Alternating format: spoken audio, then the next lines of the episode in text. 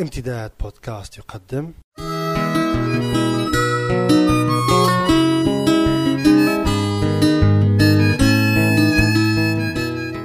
رسالة من لندن مع جمعة بوكليب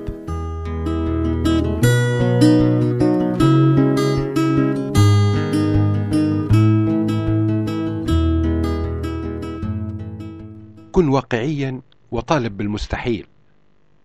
شعار متميز. ولد في مرحلة تاريخية متميزة وفي بلد متميز تاريخيا. ولمن لا يتذكر من المستمعين نقول إن الشعار ولد في خضم أحداث ثورة 1968 الطلابية في فرنسا. تلك الثورة التي ما زال المؤرخون يعدونها من أهم الأحداث السياسية التي شهدتها فرنسا المعاصرة. وأدت إلى استقالة الرئيس الفرنسي الجنرال تشارلز ديغول من الحكم وانتهاء الجمهورية الخامسة وبالتالي دخول فرنسا في مرحلة سياسية جديدة. وقد يعتقد البعض من المستمعين أن ما ذكرني بهذا الشعار هو التظاهرات الطلابية الكبيرة التي دارت خلال الأسابيع الماضية في لندن ولم تشهد مثلها بريطانيا منذ فترة طويلة. واتسمت بالعنف احتجاجا على رفع حكومة الائتلاف الحاكم للرسوم الدراسية الجامعية وتخفيض ميزانية التعليم. وفي الحقيقة فإن ما ذكرني بالشعار هو أمر آخر تماما يتسم بالطرافة إن لم يكن بالغرابة ألا وهو قرار حكام كرة القدم في اسكتلندا بالإضراب عن إدارة المباريات خلال عطلة الأسبوع الماضي احتجاجا على المهانة التي تسيء إلى كرامتهم كبشر والتي يتعرضون لها من قبل جمهور الكرة والمدربين والصحافة. وبداية لابد من الاعتراف أنه في بلد ديمقراطي كبريطانيا فإن حق الإضراب مكفول لجميع فئات المجتمع وأن حكام كرة القدم سواء كانوا في اسكتلندا أو في غيرها من الأماكن الأخرى في بريطانيا يكفل لهم القانون هذا الحق متى استشعروا الحاجة للإضراب للفت الانتباه إلى ضرر ما يتعرضون إليه أو تتعرض إليه مصالحهم وهو في حالة حكام الكرة الإسكتلنديين ضرر أحيق بكرامتهم كبشر لكن ما أثارني لدى سماعر الخبر في وسائل الإعلام المختلفة هو لماذا قرر حكام الكرة الإسكتلنديون القيام بالإضراب الآن؟ لأني على حد علمي أعلم أن سب وشتيمة حكام كرة القدم جزء لا يتجزأ من أعراف ملاعب الكرة وأن حكام الكرة في أي مكان في العالم قد تعودوا على ذلك ولم يعد يثير اهتمامهم. أو على الأقل هذا ما كنت أظن حتى نبهني حكام كرة القدم في اسكتلندا إلى أن السيل قد بلغ بهم الزبا وحان الوقت للفت الاهتمام إلى ما يعانونه. الأمر الآخر المهم هو هل يعلم حكام كرة القدم في اسكتلندا أنهم بإضرابهم هذا ومطالبهم بكف أذى الجمهور والمدربين عنهم؟ إنما في الواقع كانوا كمن يرفع شعار الثورة الطلابية الفرنسية كن واقعيا وطالب بالمستحيل في زمن وظروف مختلفة عن الزمن والظروف التي ولد فيها الشعار وللأسباب التالية.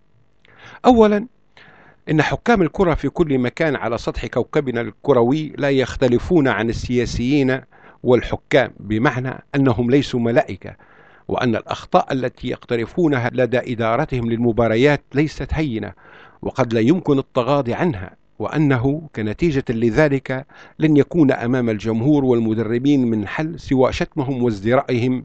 هذا في حالة افتراضنا. أن الأخطاء المرتكبة تمت بحسن نية وعن سوء تقدير لأن الواقع يؤكد أن العديد من حكام كرة القدم في مختلف أنحاء العالم عرضوا أنفسهم للمهانة وأساءوا إلى مهنتهم وإلى شرفهم ببيع ذمتهم لقاء مبالغ مالية أو بمغريات أخرى أو حتى خوفا على حياتهم من أناس ذوي تأثير ونفوذ. وسببوا في كوارث كروية لن يغفرها تاريخ كرة القدم ولا محبي هذه اللعبة لهم. مما يمكننا القول إنه على نفسها جنت براقش.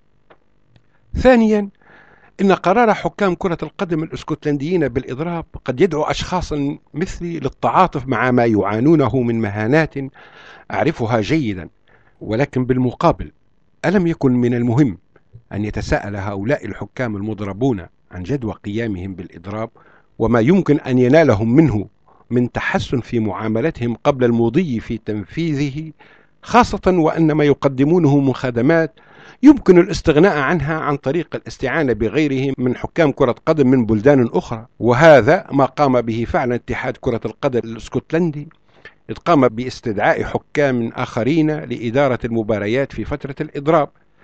لذلك فإن السؤال الذي كان ينبغي على حكام كرة القدم في إسكتلندا مناقشته بينهم قبل الموافقة على الإضراب هو هل سيتوقف البعض منا أي حكام الكرة على الإساءة إلى اللعبة وإلى جمهورها وذلك بالتزام العدل في إدارة المباريات والحياد في معاملة الفرق؟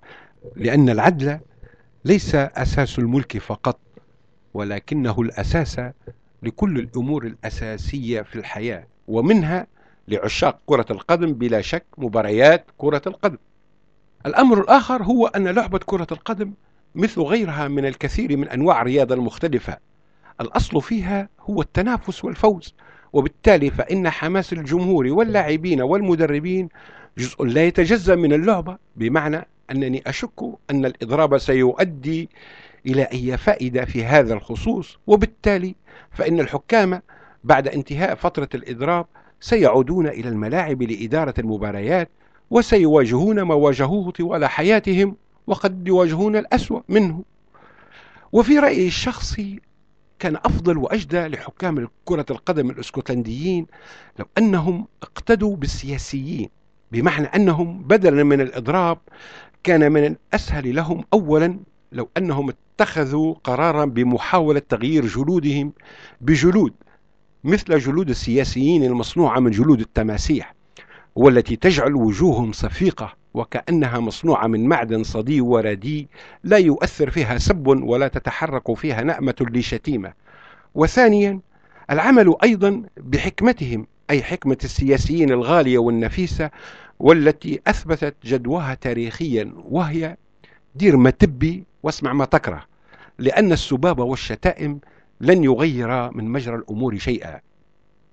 وثالثا وأخيرا أكرر تعاطفي ودعمي لحكام كرة القدم الإسكتلنديين متمنيا لهم التوفيق في مطالبهم التي لا تبتعد عن حلم إبليس في الجنة. ومع ذلك فإنني كنت ولا زلت أتمنى لو أن ساسة العالم يتضامنون مع بعض لمرة واحدة ويقرروا القيام بإضراب حتى لمدة يوم واحد. كي يرتاح الناس والحيوان والبيئة من أكاذيبهم التي لا تعرف حدا ومن شرور أفعالهم التي لا تقود إلا إلى تعاسة وشقاء الحياة. وحتى نلتقي مجددا. أتمنى لجميع المستمعين قضاء أوقات طيبة.